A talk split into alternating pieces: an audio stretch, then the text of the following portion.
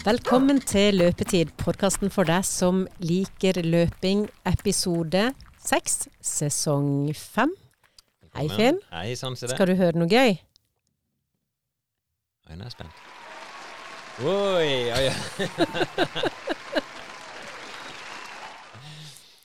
Du, nå sitter vi i et nytt studio.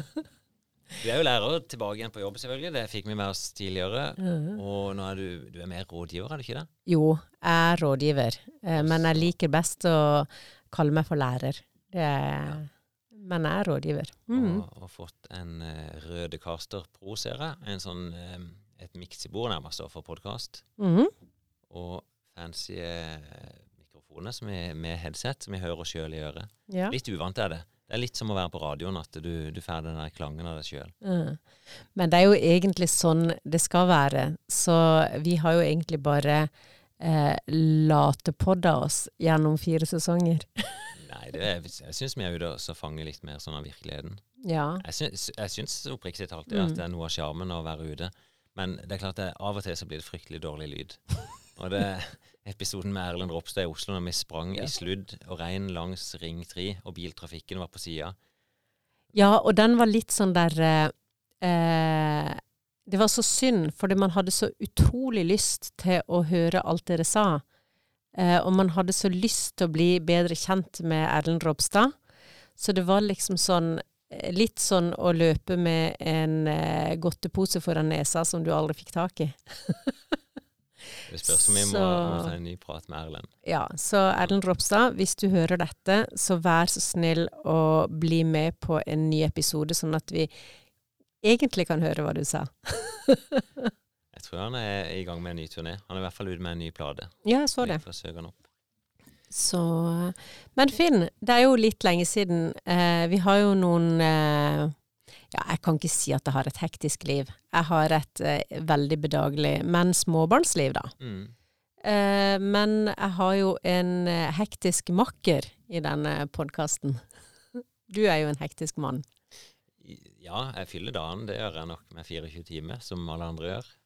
Ja, du bare glemmer soving og spising og Nei, altså, ja, jeg kan sikkert si at det er et hektisk liv. Jeg er nok mange ball i lufta, det her. Og, men det er jo veldig mye av tida vi bruker på, på det vi snakker om her, altså løping, løpetrening. Og jeg er ofte med meg den eh, opptakeren rundt, men det er ikke alltid det er naturlig å dra den fram. Og så er det det å klare å, å møtes for å oppsummere, da. mm, Så, men det er Ja. kanskje litt enklere nå som vi har fått et studio opp og gå. mm, Um, så det er fint. Og ja, vi skal nok være litt mer på framover. Det, det som har vært vanskelig, syns jeg, det er jo fellesskapet da, i, i, liksom, i hele klubben. Det er jo, om ikke rakna fullstendig, så har det jo vært sånn at det er vel et halvt år siden vi har hatt fellestrening. Og nå har vi akkurat begynt på med det igjen. mm, Merker at det, det skrur hodet litt tilbake igjen på dette, da, og løpinga. mm. Ja, for det, vi begynte jo Nå er vi jo faktisk i midten av mai. Mm. Eh, og det har liksom bare eh, Dette halvåret fra du var i Kenya til Eller til, fra du annonserte at du skulle til Kenya og dro til Kenya, og vi hadde fuglesang på øret, Ja. eh, til nå, så har egentlig løpehverdagen dreid seg om å komme seg ut eh, litt på egen hånd og løpe, og ett skritt fram, to tilbake. Eh, nå kan vi være fem på trening, eh, helst ikke møte noen. Eh, vi prøver en fellesøkt. Det har jo vært litt Ja, sånn. Jeg, jeg syns det har vært vanskelig. Um, jeg har jo prøvd å motivere på Vi har ei Facebook-gruppe og ei Facebook-side, så jeg prøvde liksom ukentlig å legge ut inspirasjon der, og så uten å trekke til folk på fellestrening. Nå har vi begynt forsiktig igjen. Eh, ikke, det er ikke lov å ha organisert trening for voksne. Så fortsatt er det litt sånn at her er ukas økt, vi kommer til å møtes noen her og springe sammen. Og så er vi bare nøye da når vi møtes at uh, det er god spredning på folk, og at uh, ja, vi ikke utfordrer smittevern, da, for å si det sånn. Og så er vi mange flere små fellesøkter, da. Du, ja, både mandag, tirsdag, torsdag, lørdag. På flere plasser. Og kanskje det som vi så òg, at eh, damene jeg vet ikke om det, de er mer sånn pliktoppfyllende, så at eh, damene nesten forsvant da fra det fellesskapet. Så nesten bare menn 47, sånn typisk pluss-minus. Eh, og jeg- syns det blir trist da at miljøet blir såpass maskulint og, og ensformig. Så nå har jeg Mm. begynt å annonsere litt at eh, vi må få damene tilbake igjen på trening. Ja. Um, ja. Jeg vet ikke om man er mer pliktoppfyllende, men jeg vet ikke om man kanskje kjenner litt på det at eh,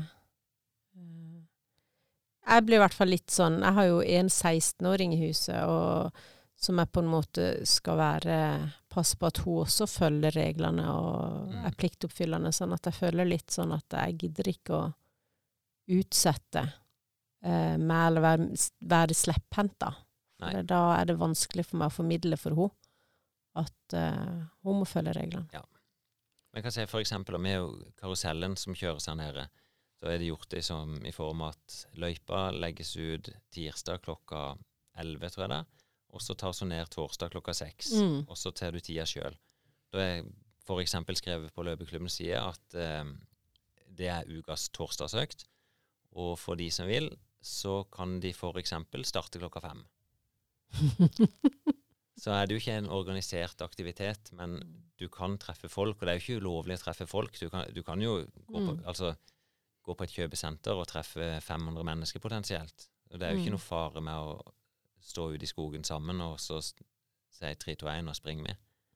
Og blunke til hverandre. Ja, men det er noe med det å oppleve det fellesskapet. Ja. Nei, så, det så er jo mer sånn organisert. Ja. Men jeg gleder meg virkelig altså til, til vi kan sette i gang. Og nå sitter jeg med dilemmaet. Vi skal arrangere stadionmil eh, i midten av juni. Vi skal ha sommerløpet eh, midten av august. Vi skal òg planlegge et rekordløp i forkant. Og så vet du egentlig ikke helt om hva er rammene for de arrangementene. Blir det Mm. liksom, Er det 200 stykk, så er det jo ikke noe poeng å arrangere. Er det 1000, så ja, det blir kanskje litt kleint. Eh, ambisjonen er jo 5000. Mm. Det blir det neppe lov til. Ja. Og så føler jeg kanskje at det, det første året var litt sånn Da var folk litt sånn på. Eh, og vi står sammen om dette, og dette skal vi klare, og liksom sånn. Mens nå er det sånn uff. Mm, Ja, det, det siger litt sammen. Ja. Nei da, men eh, jeg prøver jo å motivere folk til å si at Mm. nå er vi i hvert fall Vi ser målstreken. Vi Ja. er på oppløpssida. Eh, og det er vi jo reelt. Mm. Så det som jeg er veldig sikker på, er at vi skal ut med et budskap og si at det blir sommerløp. Mm. Og de som melder seg på nå, de skal være garantert plass. Og så må vi sørge for at rammene er så sikre som de kan få blitt. Mm. Så jeg skal møte med kommuneoverlegen om, ja, i løpet av de neste to ukene. Og sikre at det kan gå i boks. Ja, så det er bare å løpe. Vi må jo bare løpe og løpe og løpe og løpe. og løpe. Mm. Sånn at det vil jo Det er mange som springer nå. Ja, det det syns jeg er gøy. Det er mange som springer, og det er mange som har skjønt at uh, det, er lett, må, det er lett å komme seg ut av. Og vi har jo snakka med en fyr som har skrevet bok om akkurat det vi snakker om nå. Ja, ja ikke sant? Om, om hvor lett det er å komme seg ut. Jeg prøvde å gjøre det til en sånn delikat overgang, da. Ja, det er bra. Det er Jan Post eh, Mhm. som vi skal snakke med i dag. Vi har fått eh, vekt han opp eh, og hatt et fint intervju med han. Selveste. Det er han som har I det lange løp, og det er han som er kommentator på veldig mye av det som dreier seg om sport eh, i NRK. Ja, det er det meste av Ja, utholdenhet. ikke bare NRK heller. Mm. Så, nei, han begynner jo å bli en legende, og jeg møtte han, jeg møtte han veldig mye. Og meg og han har vært liksom omtrent på samme nivå. Eh, I 2017, da eh, kanskje hans livsprestasjon så langt, der han var beste nordmann i New York Marathon. Sprang på 2,32. Jeg må bare tenke, i 2017 Ja. Var det året hvor du også fikk lov til å få donuts i teltet og bli kjørt med sånn ambulanse... Nei, politieskorte. Nei, det var ikke Nei. samme året. Um, jeg husker ikke akkurat hva jeg sprang på. Jeg lurer på om det var når jeg og Joakim var sprang, hvis du husker det. Ja. Og Eivind lurer på Mhm. var med da. Um, det er noen flotte minner fra meg og Joakim som fløy som fugler ned First Avenue. Mm. Joakim sin debut, så jeg, var jo med han, og han sprang på 2,40, mener jeg, og jeg sprang på 2,38. Så jeg forlot han eh, på det verste. Nei, det var, det var helt greit. Eh, det blir litt sånn på maraton at når du først har fått det, eh, da er det nesten bare mer irriterende av folk ved sida av deg enn at de skal hjelpe deg lenger. Ja. Så det var fire kilometer igjen, og da var det sånn Nå kan du bare gå. Mm. Så var det greit. Ja, det, det er best da å bare På et eller annet tidspunkt så må man løpe sitt løp, som Men- regel. Men Jan Poste han, han er jo en, blitt en veldig erfaren mann, både med egne, egen trening, men også gjennom podkasten der han intervjua fryktelig mange gode løpere Mm. på, på mange ulike nivåer. Han er jo gjennom den jobben han er i kontakt med, med veldig mange gode utøvere. Mm. Så han suger jo til seg kunnskap og er veldig flink til å spre det. Også er han komprimert i denne boka på 153 sider. Mm. Så, men vi kan jo gå inn og, og høre. Vi hadde en times prat med han. Ja.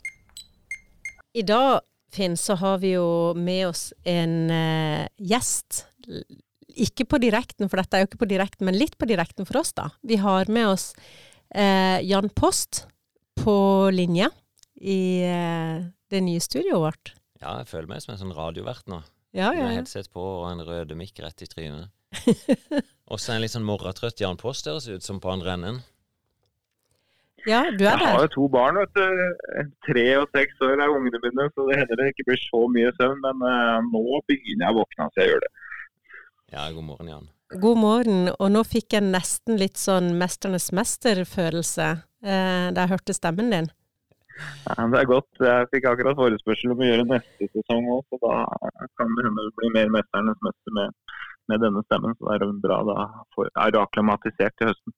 Ja, veldig, veldig bra. For Jan Post, vi eh, har jo hørt deg som eh, kommentator i det meste som eh, dreier seg om eh, idrett og eh, eh, Ja, idrett og litt sånn eh, underholdningsidrett også på eh, TV.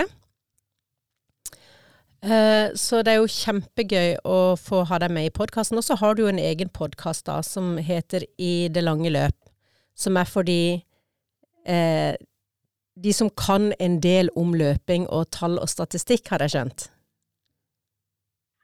Ja, det har jeg jo hørt at det er ganske mange forskjellige. Helt fra folk som knapt har løpt, og som blir ivrige, og som Jeg har hatt eksempler på lyttere som har gått ned 50 kg på et halvt år, og vi har også toppidrettsutøvere som, som hører på. Så det er ganske bredt spekter. Eh, Det syns jeg er litt gøy, da. Eh, Så får vi, får vi se hvor det bærer en videre. Det er eh, ikke alt som er like godt planlagt der heller, så det er litt, det er litt variasjon for det. Ja, det er ganske krevende. Så dere ikke holdt på er det tre eller fire år, du og Kristian Ulriksen? Jeg har holdt på et par år nå, så eh, vi har jo snakket med noen. Men det finnes eh, ganske mange som kan mye om trening og løping eh, igjen i dette landet å snakke med. Så det dukker nok opp en, eh, en god del eh, episoder framover. Så får vi se hvor lenge vi klarer å holde det gående. Ja, jeg syns jo det som er gøy, det er at du ikke er god til å finne folk som du ikke virkelig kan gå i dybden på. Det var litt sånn Jeg liker Jeg liker veldig godt å snakke med folk om, om trening. Da. Det har jeg gjort veldig mye eh, privat når jeg har hatt muligheten til å, å snakke med folk. Så det er jo litt av ideen at det finnes en del som er nysgjerrig på, på hva både gode folk og ivrige mosjonister gjør. eh, Og så kunne man spre budskapet litt. Men eh, det har vært større interesse for det enn jeg kanskje trodde i utgangspunktet. Ja, det er enorm interesse for det. Eh, Jeg er jo i løpsmiljøet her nede hver, mer eller mindre hver dag. Så jeg er jo nesten nødt til hver fredag å tune inn og høre igjennom, for jeg vet at det blir spørsmål allerede fredag ettermiddag om Har du hørt det siste? Visste du at Visste du at Jakob trener sånn og sånn? Og da bør jeg helst vite det, så jeg må være jour. Men det startet jo med at jeg hørte på dere, så dere var tidligere ute. Ja, så hyggelig.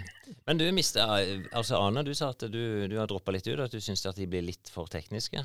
Ja, for meg som på en måte eh, fra naturens side ikke er så interessert og ikke forstår så mye om tall og statistikk og den type ting, så blir det ofte, når de begynner å snakke om ja, sekunder og minutter på kilometer og sånn, så faller jeg veldig fort ut.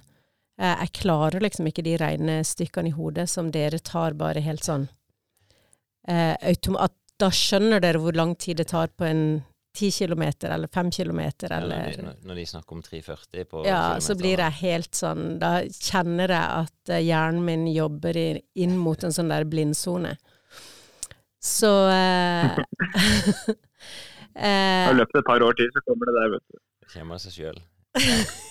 ja. Jeg har jo fått en sånn der eh, eh, Sånn løpeklokke, da. Eh, som eh, oversetter heldigvis noen av de tallene, og liksom lager sånn tegninger for meg, sånn at jeg også kan forstå litt av hva det handler om. Men jeg syns det er eh, ikke så spennende, da. Det, det med, det med tall. teknisk, Det blir litt for teknisk eh, for meg til at jeg liksom sånn jeg, Ja. eh, Jeg er nok ikke god nok, rett og Men jeg tror nok jeg vil anbefale å tune inn igjen og, og høre gjennom episodene. Altså Det er jo episoden på stort sett er vel kanskje halvannen time. Mm. Eh, der de er egentlig virkelig i dybden på en ny person hver uke. Med veldig forskjellig spenn da i hva slags type folk det er. Ja. Nei, men jeg skal, jeg skal høre, jeg. Eh, vi har jo hatt noen eh, i vår podkast også som er opptatt av, av tall, og jeg husker vi hadde en episode med Sjørnholm, var det det?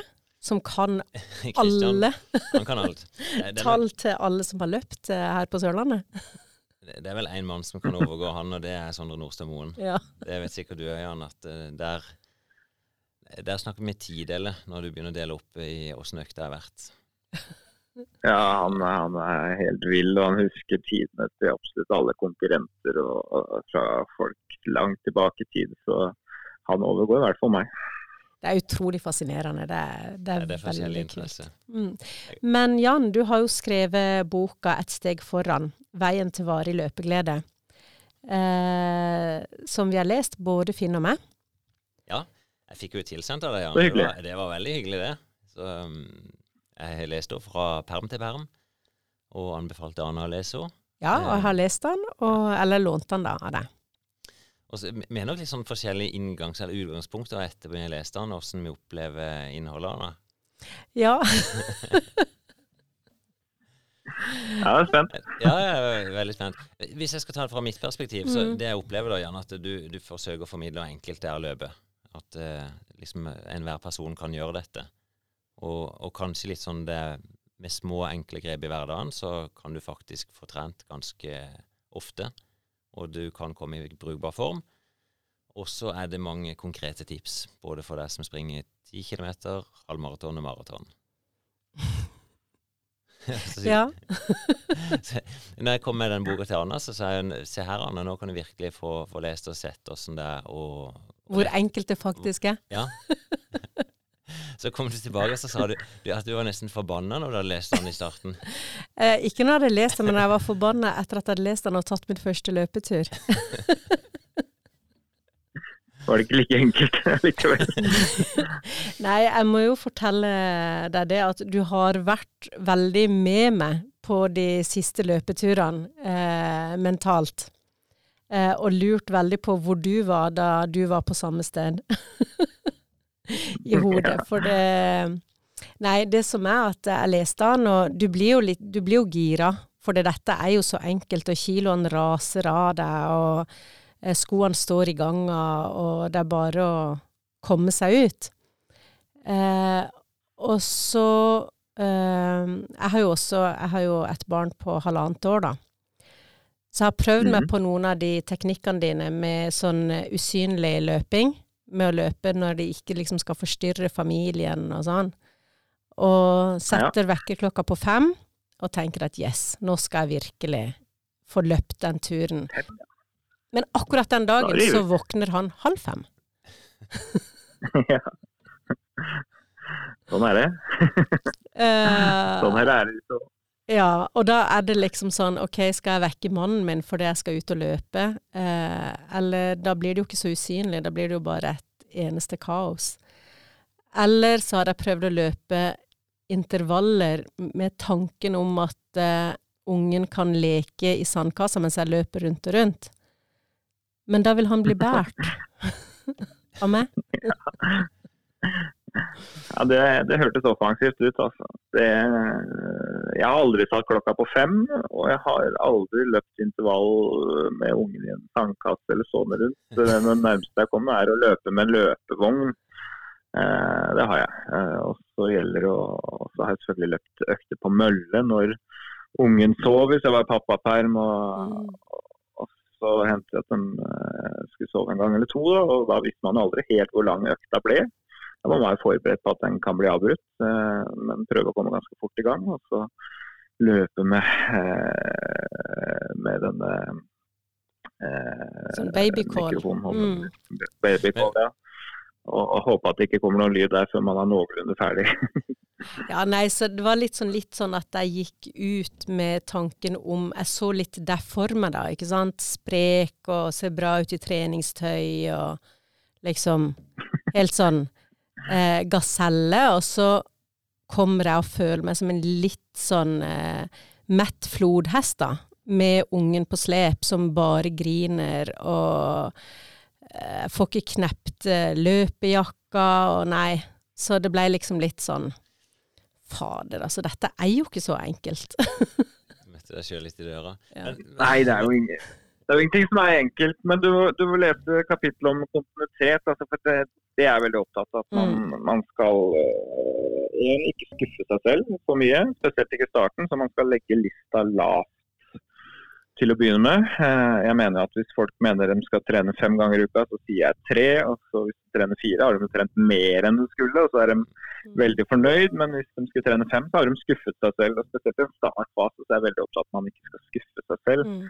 Og så er det dette med kontinuitet som jeg mener trumfer eh, det aller meste eh, med tanke på framgang. Man kan gjøre trening så komplisert man bare vil, men, men, det man ser hos veldig mange, er at de som klarer å ha kontinuitet, det er de som får framgang på sikt. Da. Og da må man tenke i sitt eget liv hva er det som skal til for at jeg skal få kontinuitet? Eh, og kanskje er det helt andre ting enn å stå opp klokka fem. Eller gjøre andre ting som gjør at du kan få kontinuitet. Da. Og så eh, er veldig opptatt av at man ikke skal ta i så hardt. At man syns dette er så forferdelig at man ikke har lyst til å gjøre det neste gang. Man skal gå ut av økten og tenke at det her kan jeg gjøre en gang til. Mm. Eh, og da må man trene på sitt nivå. Eh, det er litt de tingene som, som kanskje er viktig. At man tilpasser ting sitt eget liv, og ingen, ingen har helt likt liv som deg. da. Ja, for det, det, det, er litt disse tingene som eh, er litt ambassadør for, da. For det eh, Da jeg Eller jeg har jo løpt litt sånn av og på eh, i noen år nå. Eh, og eh, det som slår meg i tanken eh, i samtaler med mange som er litt som meg, da, det er at man ofte har en feil forståelse at den løpeturen må være så sinnssykt lang, da. Eh, før man kan kalle det en løpetur. Eh, jeg, ja, det mener jeg. Det mener jeg tull. Ja. og jeg trodde jo også det før jeg begynte å snakke med Finn, at hadde du ikke eh, løpt i hvert fall fem, helst ti kilometer, så kunne du ikke kalle det en løpetur. Og i dag vet jeg jo at det er sinnssykt langt. Mm. Det, er en, det er en langtur for noen på mitt nivå å løpe ti kilometer. Ja, det er akkurat det. Men ikke sant, i samtale med folk som er på ditt nivå og Finn sitt nivå, ikke sant, så dere sanker jo kilometer som om det skulle vært eh, bringebær, ikke sant. Det er jo Eh, det er jo vilt hvor mange kilometer dere får på ei uke. Ja, men det, vi, jeg begynte jo ikke der heller. Jeg veide jo 100 kg og, og, sleit med å løpe 7-8 km sammenhengende. Det var en monsterøkt for meg eh, til å begynne med. Det er viktig at man, man tatt hele inngangen der du, Jan, hvordan du egentlig kom tilbake igjen? For du var vel en litt sånn aktiv eh, orienteringsløper, løper som junior? Ja, jeg var ganske god orienteringsløper og veldig sportslig aktiv eh, egentlig helt fram til jeg var 20 år. Og så begynte jeg å studere journalistikk eh, og begynte å jobbe i VG, etter hvert NRK. Og ga blaffen i å trene veldig mye. Spiste usunt, var mye på reise, det var mye stress, det var mye mas. Og plutselig veide jeg 100 kg og skulle gå opp denne monsterbakken i Tour de Ski med kamera på slep, og sleit med helt å ta meg opp. Uh, stoppet jeg og tok noen juksepauser, så gikk ikke pulsen ned. Og inni mitt eget hode så var jeg fortsatt ganske ung og sprek. Mm. Da var jeg 30 år, da. Uh, så jeg var fortsatt ung, kan du si, men sprek var jeg ikke lenger. Og da bestemte jeg meg bare for at jeg skulle komme meg i bedre form. Så jeg dro hjem, og det året så trente jeg over 300 ganger, men det var ikke sånn at jeg bare begynte å løpe. Eh, jeg hadde ikke noen plan om å løpe i det hele tatt, skulle bare komme i bedre form. Så jeg gikk ut på ski, jeg trente litt styrke, jeg spilte litt innefotball, jeg spilte golf, jeg dro på sykkeltur. Altså Målet mitt var å være mest mulig aktiv. Altså, det var noen som tilbød meg en, en eller annen aktivitet jeg kunne være med på, så skulle jeg si ja. Ja. Og samtidig så, så forsynte jeg meg bare én gang uh, til hovedrett i middag. Uh, og prøvde å ikke ta tre porsjoner hver dag. Liksom. Det var det endringene jeg gjorde. Men, men klarer du å kjenne igjen det det ikke en tanke om å løpe fort der. Nei, må du klare å kjenne igjen det Arne sier, det å møte seg sjøl i døra, at dette var faktisk ikke noe gøy, eller? For du, når du framstiller det nå, så høres det egentlig ganske lett ut. At det, det var egentlig veldig stor motivasjon fra dag nummer én og gjennom hele det første året. Ja, så Det som skjer er jo at det var jo veldig tungt å komme i gang, men jeg er ganske motivert til å begynne med. da, For jeg ville ikke ha det sånn. Jeg har vært i god form og jeg hadde mista overskudd. og Når jeg hadde fri noen dager, så lå jeg bare på sofaen for å komme meg til neste eh, arbeidsoppgave. og Da blir man liksom litt sånn smådeprimert. Man vil ikke ha det sånn, egentlig. Eh, så det var liksom bare at jeg tok litt tak. Og så gikk det jo to-tre uker, da. Det, og da begynner jeg å merke framgang allerede. Og så Da avler jo det mer motivasjon igjen. Eh, men jeg hadde jo ikke noe krav til meg. Jeg hadde ingen krav til at treninga skulle være hard. Eh, at skulle være noe eh, tre intervalløkter i uka, langtur. Altså ingen sånne krav. Eh, eneste kravet jeg satte til meg selv, var at jeg skulle være aktiv. Eh, så jeg gjorde avtaler med forskjellige folk, og, gjorde jo aktiviteter jeg syntes var moro. Jeg syntes det var gøy å spille golf. Jeg syntes det var gøy å spille innefotball med noen kompiser. Eh, styrketrening var kanskje ikke så morsomt, men det var noe, noe annet enn de andre dagene. Så det, det, eneste, det var ikke noe krav til hva som kunne kalles treningsøkt. Det kunne være en halvtime, det. Eh, men det var bare at jeg endret innstilling, egentlig. Mm. Og dette med løping Jeg løp kanskje en gang eller to i uka. Ja. Eh, og da var det seks-syv kilometer. Eh, jeg prøvde å henge på kona i en runde vi hadde inne i Oslo. Som var en sånn tilfeldig runde som var ålreit underlag på. Og da var jeg superhappy når jeg kom inn og hadde løpt den runden. Og syntes det var en veldig ordentlig økt. Men jeg tok jo Mm. ikke tida. Jeg ante ikke hvor fort jeg løp. eller var ikke opptatt av de tingene i starten. Men når jeg hadde gjort dette i to måneder, så veide jeg plutselig ti kilo mindre. Og så kom utfordringen om, om å løpe New York Marathon som Thomas Alsgaard skjøt inn fra sida. Og da sa jeg bare ja. Og da, da hadde jeg jo et langsiktig mål, da. Så da dreide det seg inn mot løping eh, litt utpå sommeren. Men da hadde jeg holdt det gående et halvt år. Ja, så det var allerede første året du sprang New York? Ja, Etter elleve elleve måneder etter jeg hadde begynt å trene. Ja. Men det er jo et eller annet, eh, Jan, med at du har hatt en del treningstimer i banken, da. For det du, Ja, ja. du beskriver jo denne veien eh, altså, Du har nok en eh, hjerne som er ganske sånn eh, innstilt på disse forandringene og vet hva som skal til, og er villig til å eh, betale prisen, eller gjøre det som skal til. Eh, og da får du disse resultatene. Men jeg tror det er eh, også de som føler at de har trent i flere måneder uten å gå ned de ti kiloene de skulle gått ned. For det, det går litt opp og ned, og du klarer ikke helt. Og eh, i første uka så tar du Forsyner du deg en gang til middag, men så sklei du ut litt, og eh, det, det er litt, kanskje litt mer sånn ikke så strømlinjeforma, da. Eh, for mange. Nei, altså den, den, for, den forvandlingen min er jo på en måte ek, e- e- ekstrem på et vis. Og jeg drar selvfølgelig nytte av at jeg en har kunnskap fra før, og jeg har um, et bevegelsesmønster som er, som er bra, for jeg har gjort mye trening, og jeg har direkte tilgang på veldig mye kunnskap da, hvis jeg Mm. lurer på noe. Så sånn sett gjør det det enklere for meg. Men det jeg skulle fram til, er jo at det var ikke noe sånn knallhardt treningsregime som ble gjort der. Jeg tilpassa alt mitt nivå. Og så eh, tror jeg det er viktig å finne aktiviteter som man syns er, er gøy. da. Og så at man ikke overdriver, for at veldig mange går så veldig hardt ut. Mm. De skal gjøre den intervallen eh, to ganger i uka, og så skal de løpe en langtur. Og så er det et veldig sånn skjema, og så begynner man å synes at det er ganske vondt og, og, vanskelig på de tøffeste øktene. Og så begynner man å grue med seg til neste gang man skal gjøre det. Altså, det gjorde jeg meg ferdig før jeg var 20 mm. år. Da trente jeg veldig hardt.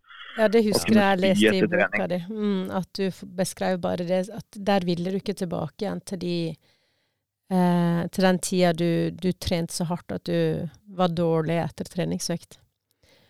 Eh, Nei, jeg skal ikke vinne OL-gull, jeg skal være mosjonist, liksom. Så da, mm. da, gidder jeg ikke det lenger. Eh, så det var veldig viktig i starten. Da var det ekstremt lite hard trening. Mm. Uh, men så gjelder det også etter hvert å utfordre seg. Hvis man gjør akkurat det samme hver eneste uke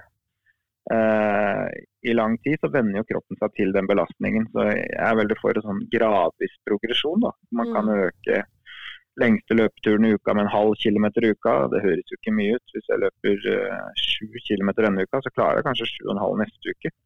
Har jeg klart sju og en halv, så klarer jeg åtte. Men når det går over et halvt år og med kontinuitet, så plutselig løper man 20 km. Fordi at man har gjort det så gradvis. Og stadig gitt kroppen bitte litt mer. Uh, så det er litt de mekanismene. Uh, også at man går ut av økter med med hevet hode og mestringsfølelse. Jeg mener jo at man er veldig opptatt av barns mestringsfølelse. Det jobber alle for hele tida. At de skal oppleve å lykkes og få til ting. Men det syns jeg man glemmer litt uh, for voksne. da. Jeg tror voksne er veldig opp, uh, veldig godt av mentalt og mestre ting og få ting til. Og jeg tror løping kan være en, en veldig fin måte og fin arena for å oppleve mestring og og det å lykkes, da, så må man gjøre en liten innsats. Så får man veldig ofte betalt for det. Da. Det har gitt meg motivasjon på veien. Så tenker jeg at det er også viktig å eh, si noe om at det er ok om du drar ut på løpetur som du hadde tenkt at skulle være fem kilometer, og at den blir tre kilometer. Og at ikke det er på en måte at kroppen er sånn. At du har dager som ikke eh, henger like godt med, da. Og at da, ja. da er det også en økt, da. Idet du har tatt på deg joggeskoene og kommer deg ut av døra, så er det første seieren. Eh. Ja, det, alle som klarer å komme seg ut av aktivitet, er vinnere oppi mitt hode. Da. Og av og til så føles alt tungt, og så tenker jeg at uh, ut og trene nå er det siste jeg vil. Og, og, så er det jo av og til sånn at hvis man prøver, så føler man seg bedre etter fem-ti minutter. Og så går den økta veldig fint, og så blir man stolt av seg selv og man klarte dette her. Men så andre dager så er man så sliten og så lei og så tung, og, og, og også etter at økta kommer i gang, at det kanskje beste hadde vært å sitte i ro. Da kan man avbryte økta, gå tilbake og tenke at jeg ga det iallfall et forsøk. Men i dag mm. var ikke dagen min. Men jeg tok på meg treningstøyet og, og prøvde. Det var bare ikke dagen min, så prøver jeg igjen en annen dag. Mm. Så eh, For det er jo litt sånn eh, Jeg har i hvert fall eh, lett til å bli sint på meg de dagene det bare ikke går, eller presse meg gjennom hele den økta fordi jeg har på en måte satt meg det fore, da. Og da, da føles det ikke bra ut når du kommer hjem. Og det å ha den eh, godfølelsen når du kommer hjem, er ganske viktig for at eh, neste tur skal, skal bli lystbetont, da. Ja, for det, det jeg er livredd for hvis du føler at uh, det er for feil underveis, det som rykker etterpå, er at når du skal trene uka etter, så begynner du å grue deg til det. Mm. Forrige uke det var ikke noe særlig i det hele tatt. Og så går du utover kontinuiteten din. Mm. Fordi du har ikke lyst lenger. Uh, av og til skal man være litt hard mot seg selv og så være veldig fornøyd når man på en måte har fullført det. Andre ganger så er ikke det noe god medisin. Så jeg tror du skal være veldig opptatt av hva du trives med, og hva du eh, kan trives med å gjenta. For det må bli et mønster man kan leve med over tid. Jeg, eh, jeg får jo mye skryt for den forvandlingen jeg gjorde det året, men jeg mener jo at min største prestasjon er jo fortsatt at den første maratonen jeg løp, er den sakteste jeg løp. Jeg holdt det gående i elleve år etterpå og fått dette som en del av livet og et treningsmønster som varer for meg. Da. Det er elleve år med en livsstilsforandring som har vart. Jeg mener jo at da har jeg truffet et eller annet som har gjort at jeg klarer det der. Eh, hadde jeg bare gjort den forvandlingen og falt tilbake, så hadde det liksom ikke vært noe poeng i det. Jeg hadde ikke gitt noe helse på sikt. Nei, og det er jo det som er på en måte eh, Det er jo det som er nøkkelen, da. At du klarer å eh, At eh, den Jan Post som du på en måte ser i speilet nå, er den som skal fortsatt være sånn, da. Og at du klarer å holde på det, det er jo kjempebra. Men du, eh, hvis eh, du skulle beskrive en eh, drømmeøkt Si at du kunne på en måte Du bestemte vær og vind og alt mulig, og så skulle du få lov til å bare velge ei økt som er liksom det kuleste du vet. Hva hadde det vært for noe? Jeg syns de deiligste treningsøktene er uh, den type rolige økter som går veldig bra. Da. Jeg synes jo at ofte så skal man trene rolig, og så har man trent hardt i dagene før, og så føler man seg ikke så bra. Men jeg synes hvis man kan få en type sti eh, i strålende solvær, sol og, og sånn passe varmt, par 23 grader, kan løpe i shorts og singlet, og det er en type sti med lite stein, lite røtter, som man kan løpe fort på, men eh, ha få tekniske hindringer, så det er mykt, skånsomt. Og man har en sånn type dag da gravitasjonskraften ikke fungerer så bra som ellers. Altså Man føler rett og slett at man flyter og kan holde på en evighet. Og så går det kanskje litt fortere enn man tror når man titter ned på klokka. Og så kan man løpe en time, halvannen, og fortsatt være full av pepp i steget når man avbryter, men fornøyd. Eh, det er de aller, aller beste øktene. Kanskje litt kjedelig svar, men, eh, men eh, ja, veldig godt beskrevet. Fordi det er ikke så lett å planlegge. Det er ikke så lett å, planlegge, da. Man Nei, vet aldri når den følelsen oppstår. Det jeg skulle fram til, da, det er at akkurat det du beskriver, den eneste måten du kan oppleve det på, det er jo faktisk med å gå ut og løpe. Så opplever du det en eller annen gang. Er du vært der sjøl, Anna? Og det er nok godt. Ja, jeg har det. Eh, det er Jeg kjenner liksom Det går kanskje ikke så fort når jeg titter ned på klokka. Men den følelsen hvor beina går litt av seg sjøl, og spesielt i litt sånn skogsterreng som du beskriver, som gjør at eh, farten føles litt sånn Det føles ut som fart, da. Mm. Det syns jeg også er veldig, veldig deilig. Jeg, jeg tror jo det du beskriver, Jan, det er helt uavhengig av nivå. At uh, det kan føles akkurat like bra ut for Arna som det er for Sondre Nordstad Moen. Mm. Um, ja, det er bare at man har en god fysisk dag. Jeg har opplevd akkurat det samme når jeg løfter et minutt eller to saktere på kilometeren enn jeg kan gjøre nå. Det, det føler jeg helt uavhengig av det. Um, det er bare en dag hvor man har litt ekstra pupp i steget til seg å være og man kanskje løper litt lettere på litt raskere tider enn man pleier å gjøre på en rolig tur, til seg å være. Mm. Eh, så man må slutte å sammenligne med andre, egentlig. Altså, løpingen oppfatter jeg som en, en, kamp mot seg selv og, og sin, sin, egen form. Eh, vi kan ikke sammenligne oss med Nordstadboen eller Jakob Ingebrigtsen. Da, da kan vi jo egentlig alle slutte å løpe. For at det, det nivået kommer vi aldri på. Mm. Det er ikke noe vits i. Vi kommer ikke til å komme til VM eller OL. Men det kan gi oss veldig, veldig mye allikevel. Ja, og det blir jo litt sånn det du sier der. Det er jo Løping har jo på en måte blitt litt sånn profesjonalisert, da. Mosjonister er eh, liksom litt mer enn hva man kanskje før ville beskrive en mosjonist. De har mye mer kunnskap, eh, de har mye mer fokusert på utstyr, de har en, på en måte et, en bedre løpemotor. Sånn at eh, det har jo blitt et mye høyere nivå på mosjonisten i dag enn det det var før, da. Det er nok et høyere nivå med tanke på utstyr og hvor opptatt man er av ting, gjøre ting komplisert. Eh, folk på 80-tallet hadde ikke GPS-klokke, men de løp veldig veldig fort i mm.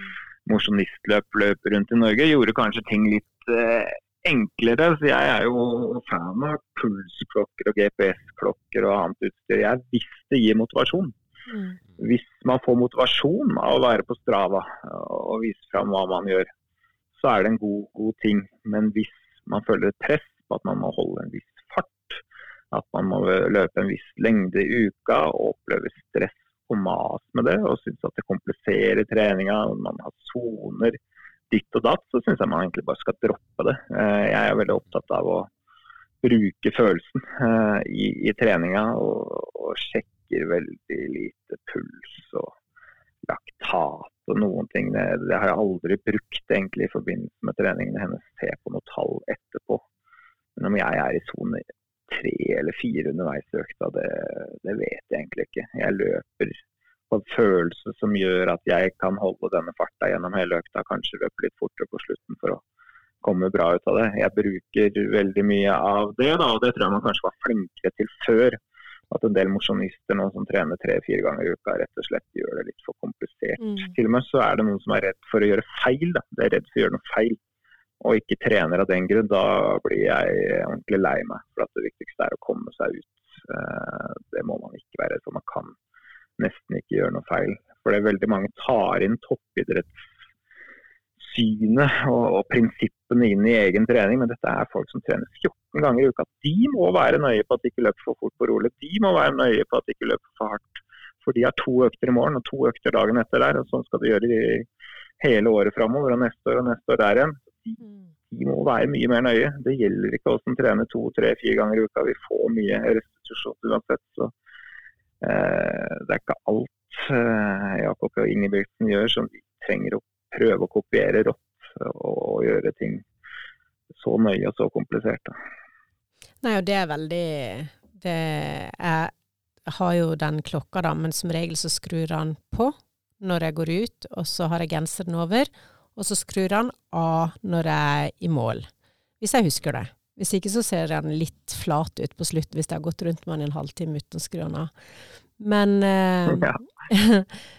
Men eh, det eh, Mens jeg løper jo av og til sammen med mannen min, og han er helt motsatt. Han er sånn eh, helt han, han, løper liksom Han er trafikkfarlig, for han ser på klokka mens han løper.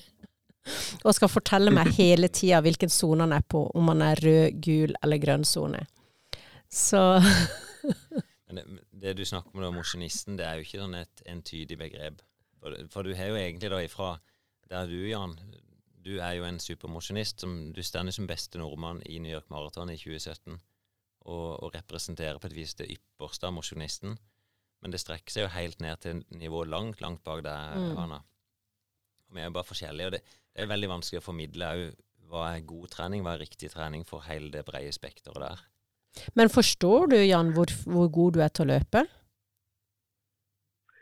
Nei, altså, Det spørs jo hvem man sammenligner med. Som igjen, Jeg sammenligner med meg selv. da Jeg har blitt veldig veldig mye bedre enn jeg var. Uh, og så driver jeg med noe litt annet enn det jeg gjorde før jeg var 20. Så jeg kan kanskje ikke sammenligne meg med da jeg var som aldersbrek i livet. Uh, og så har jeg hatt perioder i, i, livet nå de siste årene hvor det har vært ganske god form. Jeg kan f.eks. løpe en langtur på fire blank fart, og det kjennes lett i tre mil. Og så har jeg noen perioder på et halvt år jeg kanskje ikke trent lite bra. Så tenker jeg hvordan i all verden kunne det være så lett? Nå er det brutalt for meg å løpe ti km i samme farta. Så, så, jeg har jo reflektert rundt når man er i god form og når man er i dårlig form. Men jeg opplever liksom, som jeg tror mange mosjonister gjør, at man hele tida en sånn liten plan om at man skal jo bli bedre. Eh, man skal jo bli bedre. Og det er jo litt samme som toppidrettsutøvere hvis jeg spør en, en tidligere løper om, om han trodde etter sitt beste løp at det kommer til å bli stående som personrekord. Det er ingen som trodde det. Alle trodde hun skulle løpe fortere senere. Mm. Eh, så det der at man reflekterer rundt eget nivå uh, Jeg kjenner jo alltid noen som er galere enn meg, og som løper fortere enn meg. jeg går ikke rundt og er imponert over mitt eget nivå, men uh, jeg er fornøyd når jeg får trent da, og fungerer best i, i det daglige livet også når jeg får gjort mine treningsøkter. Så, uh, så, jeg har en tendens til å være litt mer fornøyd uh, når jeg er i bedre form. Hvis jeg skal sette i perspektiv, da, Jan, så New York Marathon er vel regna som et av i hvert fall verdens mest ettertrakta maraton. Og der sprang du på 2.32. Eh, hvis du springer fortere enn 2.35, da kan du komme inn i det som heter sub-elite. Altså, og da blir du kjørt i egen buss med politieskorte fram til start. Eh, jeg vet ikke nummer du ble med 2.32, Jan, men kanskje nummer 50 totalt av 50 000. Sånn, eh, jeg kan skjønne at Ana syns det er vanskelig å sette seg i samme kategori som, som deg, som mosjonist. At det, det, er liksom ikke Jan og Ana, mosjonisten. Det er i hvert fall Nei, det, det, skjønner jeg at det er veldig forskjellig nivå.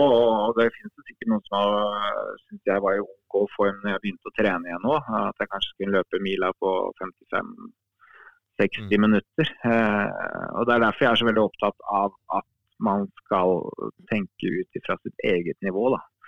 Og Ja. ikke bli skuffa fordi man ikke løper fortere med en en annen som løper 20 minutter fortere på mila eller 30 minutter. hva Man tenker. Man må oppleve eh, at man lykkes når man klarer å kanskje forbedre seg selv litt. da.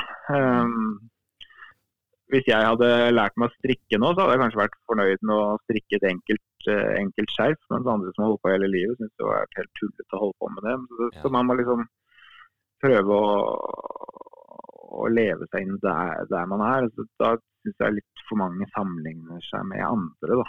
Eh. Rett og slett. Og det er jo selvfølgelig med Strava og alt annet, så har man jo mulighet til å gjøre det. eh, Instagram og det som er. Men eh, Er det ikke litt sånn jeg opplever, opplever i hvert fall stor lykke ved å bli bedre enn det jeg var for en, u- en, en måned siden. Da. Bare at jeg løper litt fortere nå enn for en måned siden. Hvis jeg trente dårlig før, så, så opplever jeg framgang. Så blir jeg mer gira. mm. Ja, det er nesten uansett nivå den er på, så vil den bare litt videre. Det er akkurat de som er rett foran, som Mm. du ser fram til. Ja, for meg så er det litt sånn at eh, når jeg først kommer i gang, og ting begynner å føles som en rutine, eh, så eh, får jeg vondt i akillesen.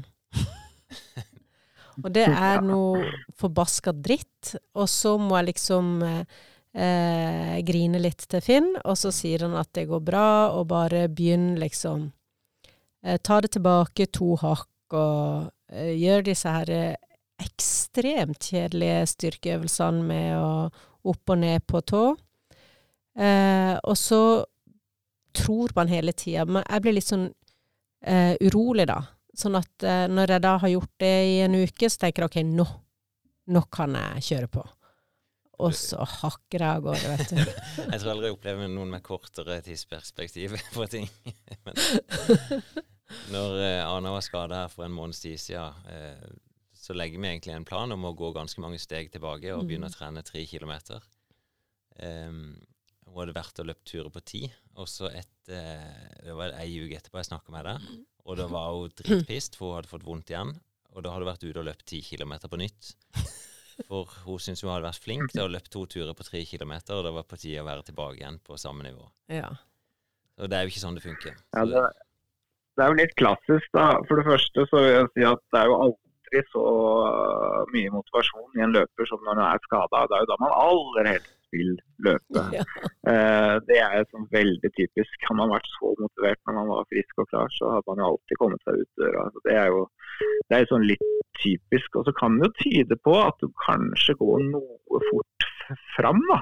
Hvis man får vondt i akilles hver gang man kommer i en rytme, så kanskje du skal senke lista litt og ligge litt lenger på fire, fem og seks kilometer og tenke at eh, et halvt år her, så begynner jeg kanskje å kunne tåle det. jeg Det er jo ikke om å gjøre å løpe ti kilometer fort. Et halvt år. ja. Fortsett, Jan. Ja, ja, men eh, du får heller skru, skru opp farta litt på de fem-seks kilometerne. Altså, det er mange måter man må tenke at man skal øke belastningen gradvis. Og hvis det her har skjedd en del ganger, så er det du vil at du skal få vondt i den akillesen. Det er bedre å kunne løpe fem-seks kilometer og være happy enn å, å rykke Mm. tilbake til start, som uh, dette kortet heter i Monopol. Mm. Ja, jeg er veldig dårlig i monopol. Uh, men nå har jeg funnet ut at uh, jeg må ned i vekt. For det er nok en av grunnene til at jeg får så vondt i akillesen. Sånn at nå er det veiing. Ukentlig veiing. Og så er det Alt mellom tre og fem kilometer er bra. Ja, det, det handler jo bare om gradvis tilvenning, da. Så styrke Men er det noen annen, bevegelse, noen annen bevegelsesform eh, du kan trene i som du syns er litt gøy? Eh, Jeg blir veldig sutrete når eh, mannen min foreslår sykling og svømming og ellipse. Nei, men du kan gå. Der er du jo god. Veldig kjedelig. Ja, jeg. går, jeg går jo eh, overalt. Enten så går jeg og sykler som transportmiddel, fordi jeg har ikke bil. Eh, sånn at eh, det å gå seg en tur, eh, det er helt greit, men eh, jeg føler ikke at jeg det, det, Jeg vet at det er helt feil å si, da, men jeg, jeg så på det som trening eh, rett etter fødselen, liksom. Mm. Men ikke Da var det sånn restitusjon, komme seg tilbake. Men, men det å gå er faktisk god trening, det òg. Så mm. det får vi ta og snakke litt om. Det er bra trening. Og så kan man jo gå litt, um, gå litt i kupert terreng. Altså, jeg vet ikke om dere har noen fine utkikkspunkter utsiktspunkter dere kan besøke der nede, men, men jeg har jo hatt på meg av og til uh, pulsbånd og sett i ettertid hva jeg har hatt i puls på fjellturer. Mm. Eh, og si at ikke det er trening når man vandrer rundt med sekk der på ganske mange høydemeter, selv om jeg også har hatt den innstillinga egentlig i mitt liv helt siden jeg var liten at det er ikke trening. Men det, det er det, altså. Ja da. Og det skal ikke så mye Absolutt. Pulsen blir en del høyere, så eh, Ja, det er den der hverdagsmosjonen jeg er litt opptatt av. Man holder liksom hjulet i gang, da. Ja, og så er det vel sånn at hvis du går sånn som du sier, hvis du går med et litt sånn godt tempo, og, eh, så blir det jo absolutt en tur. Men så blir jo jeg litt sånn Jeg er jo, er jo litt sånn eh, bedagelig anlagt, da. Sånn at jeg sluntrer jo litt av gårde, og syns det er deilig å gå i rolig tempo. Og så Men jeg løper jo også, eller det, jeg tror ikke det kalles løping engang. Jeg jogger jo i et veldig rolig tempo, sånn at alt går jo litt seint med meg. Nei da, det er ikke sant ennå. Ja, men, Ja. men rolig er jo øh, Ja, hva er rolig? Altså det, om det ikke beveger seg så fort framover, så kan det også øh, ha en ganske god anstrengelse. Det kommer an på hva slags form man er. så Man må ikke måle alltid fart. Man må måle hva man opplever som hardt, og hva man selv opplever som rolig. Mm. Og skal man trene rolig, så må man trene noe man selv opplever som rolig. Ikke som noen andre opplever rolig, eller hva klokka mener burde være rolig. Det er hva, hva som er rolig for deg den dagen, og, Mm. og hva som er passe for deg når du skal ta i litt. Det er også bare du selv som vet. Mm. Uh, det er litt de tingene der, at man må stole litt på seg, på seg selv. Og så kan man også kombinere løping og gåing, som jeg er stor fan av. Eh, hvis du vil opp i 10 km og 5 km har gått bra en stund, så, så kan du første halvdel av turen eh, kanskje gå og løpe annethvert minutt. Og så kan man løpe de siste 4-5 km. Man skal gjøre hele tida sånne ting som gjør at du kommer nærmere og nærmere målet. Da. Men det tar det gradvis, spesielt hvis man har en historie med litt problemer. Men har du opplevd det noen gang hvis du tenker sånn løpe og gå? For det er av og til, hvis jeg er ute og løper, og jeg kjenner sånn at nå eh, må jeg stoppe og gå litt, tenker jeg hvis jeg stopper og går nå, så kommer jeg aldri i gang igjen. At Altså, det, er jo være vanskelig. spesielt, Det er spesielt på lange turer. Altså, altså Man blir stiv eh, og støl, og så Men da vil jeg si at du kanskje har ventet for lenge med å ta den første gåpausen. Hvis du begynner å ta gåpausen tidlig nok på turen, så vil det oppleves greit. Men hvis man truer og løper så lenge man overhodet kan, og så skal begynne å gå, da har man på en måte utslitt allerede. Hvis man tenker litt tidlig på turen at her skal jeg vare så og så lenge i dag, så da må jeg ta hensyn til det, og så legger jeg inn faste gåpauser tidlig. Eh, Min venn, min venn Jack White gjorde det et helt uh, New York Marathon. Han, han ikke var uh, spesielt godt forberedt og var overrasket selv over hvor bra tid det ble, og hvor grei han følte seg hele veien. For han la inn faste gåpauser helt fra ja, etter fire-fem kilometer og hele veien inn. Så um, det der fungerer ganske bra, men eh, da må man begynne tidlig nok. Mm. Ja, Finn har eh, tillatt meg å gå i oppoverbakker, noe som jeg bruker veldig aktivt, da. Sånn at eh, jeg gleder meg alltid til det kommer en oppoverbakke, og jeg kan gå. ikke det fint? Ja, men det er jo, det er jo smart, det. For eh, det er jo noe jeg opplever når jeg løper i veldig kupert terreng og er ikke spesielt bra slag, så er det veldig fort å dra med seg farten fra flata inn i bakken. og da, da blir det jo fort veldig anstrengende å løpe oppover. og Det er en del oppoverbakker man må nesten ta i alt man kan for å klare å løpe opp. og Da blir jo ikke det noe rolig økt eller den økten man er ute etter. da. Eh, Så hvis du går i oppoverbakker, så kan denne pulsen være ganske lik som når du Mm. løper på flata Ja. rett og slett. Mm. Og, og da vil du oppleve det her som eh, en tur som er grei å gjennomføre, i motsetning til noe hat som du ikke har lyst til å gjenta. Nei, det høres jo igjen. Du klarer eh, det utroligste. Du får det til å høres ut som om at jeg egentlig bare skulle spent på meg joggeskoene nå. Men, men det, ut. det er noe der Anna, at forventningene dine til at det skal være så lett og at det skal være så fint, de tror jeg du må justere ned. Ja. At, um, jeg tror ikke du skal regne med at det er sol. Altså den turen Jan beskrev i stad som sin drømmetur. Jeg tror det er lett for deg å gå ut og tenke at alt skal kjennes sånn ut, men det Mm. gjør jo ikke det. Nei. Nei da, jeg har jo Nei, fått mye mer erfaring med løpeturer nå i den siste tida, og har klart eh, eh, denne vinteren, da, og kose meg mer på rolig tre kilometer og fem kilometer, og tenke at det er helt greit, da. Noe jeg ikke kunne før. Sånn at jeg har utvikla meg. Det går seint, men jeg har utvikla meg litt. Og det høres ut som du kanskje har hatt litt høye mål før og høye forventninger. Da, så at du har vært i den fasen hvor du skuffer deg selv litt ofte. Mm. Og da blir det ikke noe gøy. Altså. Eh, hvis man har spent buen for hardt og, tror at eh, måte, verden skal bli revolusjonert i løpet av et par uker her. Eh, det blir den ikke. Men, men hvis du har et mål som er passe for ditt nivå, og klarer å gjennomføre det en uke, så vil du være ganske fornøyd søndag ettermiddag. Og så må du bare ha forventningene på et passe nivå framover, så at du klarer å innfri og ikke konstant skuffer deg selv. For det er ingen som har lyst til å drive med noe de konstant skuffer seg selv i. Det er og blir ikke gøy, det. Nei. Men det er jo, ikke sant, vi snakker jo med så mange i podkasten som liksom sånn eh, tar seg en lett tur på 20 km og sånn, sånn at eh, man eh, Man hører jo veldig mye om de som på en måte eh, løper lett og eh, lenge og raskt. Sånn at uh, det er jo lett å la seg rive med, da. Og da er jo skuffelsen der. Jeg skjønner det, men du får ta deg en tur i Kristiansand sentrum, og så får du se deg rundt og tenke at du er sprekere enn de aller, aller fleste du ser. Og så hvis du ser en gærning fra Kristiansand løpeklubb som har løpt i 15 år, og som eh, flyr av gårde, så får han holde på med sitt. Du kan ikke eh, sammenligne deg med det, rett og slett. Du, hvis du klarer å, å løpe de gangene du har lyst i uka, så er du sprekere enn gjennomsnittet. Så da får du sammenligne deg med dem isteden. Jeg syns jo det er veldig gøy da nå med korona, hvor eh, det er så mange løpere rundt da. Så har jeg jo fått meg noen sånne der eh, sinnssykt eh, spreke løpevenner. De løper bare forbi, eh, vel å merke. Treffer, treffer de på veien. Men eh, du treffer de liksom. Eh, på et visst tidspunkt så vet du at eh, de befinner seg rett rundt Lundsbroa. Mm. og så vom er de forbi.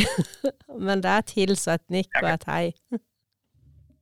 Jeg syns jo det hjelper. altså Hvis jeg trener med folk som er mye bedre enn meg, så hjelper det å se at det er flere folk ute og driver med det samme. og sånn kjemper den samme indre kampen for å gjennomføre den økta de er ute på. liksom. Selv ikke toppløpere syns det er veldig hyggelig å løpe hver dag. Eh, sånn, er, sånn er det jo. Men jeg har jo en teori om at kanskje jo dårligere form man er, jo tyngre oppleves det. da. Eh, jeg syns det kanskje det blir litt lettere etter hvert. Eh, så det er noen fordeler med å komme i bedre form Mm.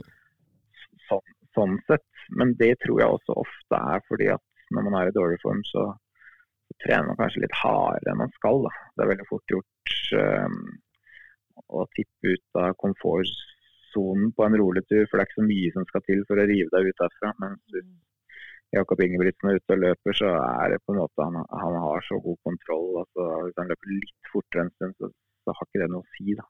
Ja. Um, Så er det jo det at det er litt de eh, greiene der. hvis du går ut litt for hardt, så må du jo hjem. Sånn at eh, Jeg har jo av og til løpt liksom og tenkt at eh, søren heller må jeg liksom eh, hjem, for det nå orker jeg ikke mer. Sånn at da har du gått ut litt for hardt. Da har du gått gått for fart. Da får du følge en buss, bussrute så man kan stoppe og hive seg på bussen og komme seg hjem.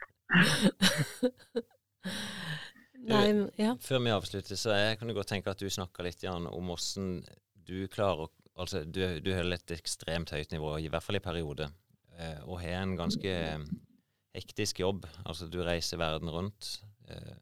Eh, hvordan klarer du å kombinere den type jobb og likevel få gjennomført nødvendig trening mot maraton? Det har blitt litt sånn eh, at jeg fikk eh, barn, det er jo tre og seks som sagt, at jeg nesten syns det er lettere å få trent ute på jobbreise. fordi da er det veldig ofte at det er ikke så mye som skal skje før i hvert fall klokka ni. da. Så da har jeg på en måte en full natt med søvn. Jeg kan stå opp klokka sju og jeg kan trene og så spise en hotellfrokost. Um, og jeg styrer hverdagen helt, helt selv. Um, så er det enkelte deler av året man kanskje ikke er uh, på steder som er helt ideelle med tanke på løping. Da. Det kan være 20 minus. Og, ja, for du reiser jo rundt med skisirkuset da, i, i nede Mellom-Europa. Ja, og da er det ikke alltid det er noen tredemøller og sånn, men da må jeg av og til uh, jenke ambisjonsnivået så være fornøyd med at bare følger med du, og så kan jeg gå på ski og heller gå litt hardere der, f.eks. Så jeg må bare tilpasse meg litt sånn. Og så hjemme så er det jo sånn at jeg ofte jobber mye helg, mye ugunstige tider, så um, det hender jeg har litt fri midt i uka. Jeg er på en tirsdag eller onsdag og sånn, og da er det jo tid til å få trent Eh, det som er ulempen, er at jeg trener på så mye rare tidspunkt som gjør at det er ikke så lett å få med seg noen. Ja, så Fordi eh, ja, jeg har fri når alle andre jobber, og så jobber jeg når alle andre er fri.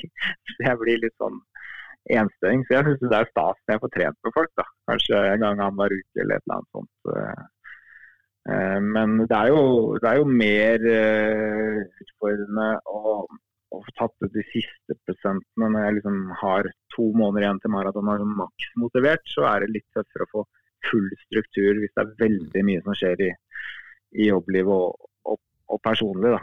Eh, det hender jo. Så jeg føler jo aldri at jeg trener helt optimalt og sånn som jeg ville opp i mitt eget hode hvis eh, jeg skulle liksom løpe raskest mulig, og det var det store målet i livet. Mm. Dit har jeg ikke kommet ennå. Jeg liksom har trent ett år eh, og gjennomført uh, det jeg mener er optimal trening, men de kommer jeg aldri til å komme. Det slutta jeg med før jeg var 20 år. Liksom. Jeg, er, jeg er fornøyd med å få trent og holde ganske bra nivå, og så syns jeg det er gøy å dra på disse turene med, med kompiser og løpe maraton. og så blir alltid litt ekstra motivert de siste to månedene. Så hever jeg formen litt, og så slipper jeg meg litt ned etterpå. Det er liksom det som har blitt rytmen. Lever drømmen om 2.29,59 fortsatt? Ja, det er som Christian Ulriksen, min kompis i, i det lange løp, pleier å si. Skoene blir bedre og bedre, så vi må bare prøve å holde formen. nei, det er bra. Ja, nei, vi får legge vår lit til skoindustrien. ja, jeg, jeg, tror ikke det der Kanskje på maraton at det kan utgjøre litt forskjell, for, særlig for oss, eller for mange som ikke har nødvendig godt grunnlag i beina. Men jeg, opp, jeg så her en 61-åring som løp 2,31 eh, på maraton, så jeg, jeg, har jo sagt at jeg har 20 år på meg. Så da, da kan vi ta det tid. Du, I, i podkasten deres pleier dere å ha et spørsmål om ei favorittøkt. En sånn type ukasøkt. Ja. Det kan vi jo ta utfordre dere ja. på. Um, hvis en da skulle si at nå er folk på vei, kanskje i hvert fall et håp om å springe sine første ti kilometer konkurranse rundt forbi. Og, ja. og, hvis du skulle tenke, Nå blir det helt på sparket, da, men ei økt som du ville sagt at uh, dette er helt perfekt for å lade opp mot 10 km? Ei type hverdagsøkt? Ja, jeg er jo litt tilhenger av at folk må løpe litt sammenhengende nå. Jeg syns veldig mange gjør veldig mye intervallform, kanskje med litt gode pauser. Men vi skal nå en gang løpe konkurranse som er sammenhengende løping. Og, og jeg vil også nevne en økt som gjør det kanskje litt lettere å være disiplinert fra start og ikke åpne for hardt.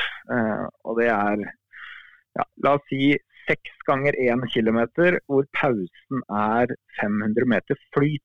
Dvs. Si at du skal løpe en 20-30 sekunder saktere per kilometer i pausen. Det skal være mye mindre anstrengende, men det skal samtidig være løping i en viss fart. Og Det gjør at hvis du går ut for hardt, så får du ikke den stå-stille-pausen man er vant til. Og så går man veldig fort uh, på en smell. Så de fleste, når de får servert en sånn type økt, reserverer seg litt på dragene, så de kommer seg på riktig side. og Så føler de seg overraskende friske etter 500 meter flyt. Og så har jeg ofte også 500 meter flyt etter det siste draget. Og det forhindrer folk fra å ta i absolutt alt de kan på det siste draget. og stå med hendene over knærne og, og, puste så hardt som det går an. fordi at de vet at de må løpe 500 meter etterpå. så Det hindrer mm. den liksom, eh, siste ta ut alt. Så, sånne økter er jeg litt fan av. Det kan man jo mikse opp. Det kan jo, trenger ikke være en kilometer, det kan være en runde man har, og så har man en kortere runde, og så bare mikser man de to. Eller man kan finne helt andre kombinasjoner. Man kan gjøre det på minutter òg. Tre minutter, eh, tre minutter eh, på og ett minutt av, f.eks. Mm. Eh, så kan klokka pipe. Det, det bestemmer man selv, men, men i hvert fall den type økt er jeg fan av også for mosjonister, fordi at det er sammenhengende løping. Det er veldig bra. Du har mange av de eksemplene her i, i boka di òg. Eksempler for Mm. både ja, mer som nybegynnere og supermosjonisten. Så, og jeg har faktisk Ja. gått gjennom eh, alle de øktene. Jeg synes jo det Det blir jo litt sånn i, i hverdagen for oss løpere som er rutinerte òg, så trenger du ny inspirasjon. Så faktisk senest på lørdag så dro vi gjennom fire kilometer, tre kilometer, to kilometer, én kilometer, med én kilometer flyt imellom. Ja. Så takk for den. Ja, den syns jeg er veldig fin. Jeg har gjort det på liksom eh, at jeg har løpt eh, ganske raskt, f.eks. i eh, noen eh, sekunder, og så litt eh, seinere i noen sekunder, og så veldig seint i noen, og så raskt igjen, og så for Mm. eksempel delt opp et minutt, da, eh, i Mm. tre. Eh, fordi da, det er bare fordi da tør jeg å ta i litt. Mm. Eh, Ja, det er fint. Og så skjer det noe hele tida, Mm. eh, så det blir ikke så ensformig. Og, og det er jo veldig fint for folk mentalt. da. Er stadig noe man skal passe på. Da liksom Mm. tenker man ikke på at jeg skal holde denne farten her i en halv evighet, og det er evighet denne økta er ferdig. Man, man har hele tiden små mål foran seg. da. ja. Det tror jeg er bra mentalt for mange. Og det ikke du vet, er at dette er gammel økt fra Vebjørn Rodal. Å ja. 20-20-20 i tre minutter. Ja. Mm. Ja, nei, det visste jeg ikke. minutter, ja. Det er for det er liksom sånn... det, Når folk snakker om sånn fire ganger fire Fire minutter, det er en liten evighet, det. Hvis du skal, så, hvis du skal løpe så fort du kan. Ja, men, men du skal ikke springe så fort. Nei. akkurat det. Det som er egentlig tilbake til den økta Jan presenterte, du sa noe veldig viktig der, Jan, at det, det å faktisk komme seg på rett side, og, Mm. og da mener jeg ikke på den rette for hardt, heller litt for rolig med Mm. kontroll. Og det det jeg stresser mest med folk, altså. Det å stå økte. og liksom Hva er trusselen om Hvis det er gått litt for rolig, som da i prinsippet aldri skjer, da kan du bare legge på ett eller to drag ekstra på slutten. Ja, Men, og det, men det er et forferdelig tap å stå og henge på knærne et eh, to tredjedeler i økta. mm. Ja, jeg, jeg bruker det av og til bevisst. F.eks. på tredemølla så kjører jeg 45-15 av og til, og starter jeg på en viss hastighet, og så øker jeg med 0,1 km i timen per drag. Og så vet jeg, jeg har ikke bestemt meg for hvor mange drag det blir, men jeg, jeg har bestemt meg for å gå av tredemølla når jeg har fått nok, når jeg er i ferd med å stivne.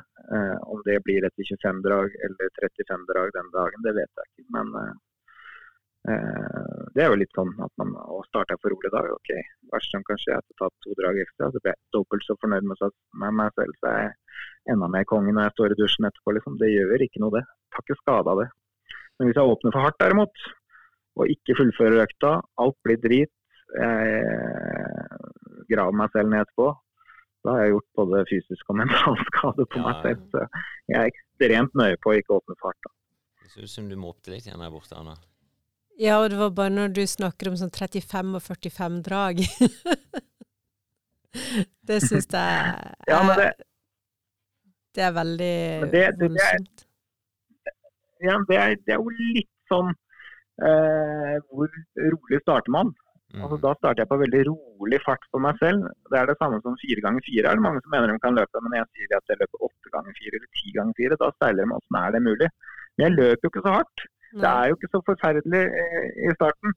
Jeg bare drar belastningen ut på en annen måte. Det er klart Å løpe så fort som de gjør fire ganger fire i ti ganger fire, det ville være helt umulig. Jeg hadde ikke skjønt hvordan jeg skulle ta meg gjennom økta. Så Det er litt det med å, å, å senke farta. Da blir det mulig å løpe, løpe lengre. Sant? Når du forteller at du løper sammenhengende 10 km, det var jo mye lenger enn enn 25 minutter. det. Og Den Mm. intervalløkta på 25 ganger 45-15 var jo 25 minutter, men du er i stand til å løpe sammenhengende en time.